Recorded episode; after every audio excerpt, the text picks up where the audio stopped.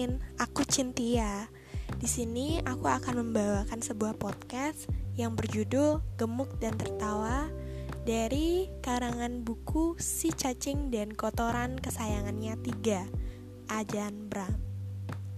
Gemuk dan tertawa. Seorang dokter yang datang ke wihara memberitahu saya bahwa ketika kita tertawa, pembuluh darah kita melebar.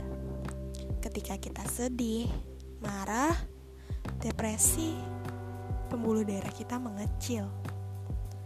Jadi merasa tertekan dan marah sesungguhnya sangat buruk bagi kesehatan Anda.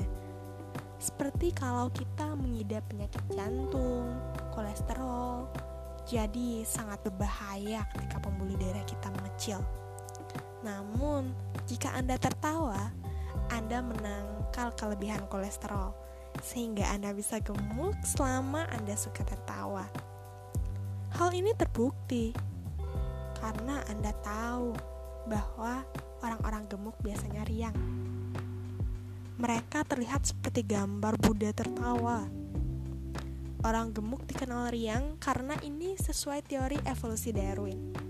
Jika Anda gemuk namun tidak tertawa, Anda akan meninggal muda. Jadi, orang-orang jenis ini akan tersingkir. Tapi, jika Anda gemuk dan tertawa, itu menyeimbangkan kesehatan dan Anda akan berumur panjang.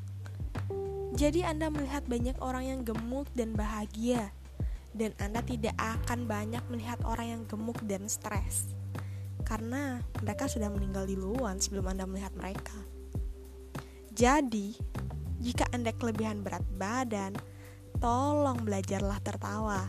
Jika tidak, Anda tidak akan bertahan lama. Sekian dari podcast saya yang pertama. Terima kasih.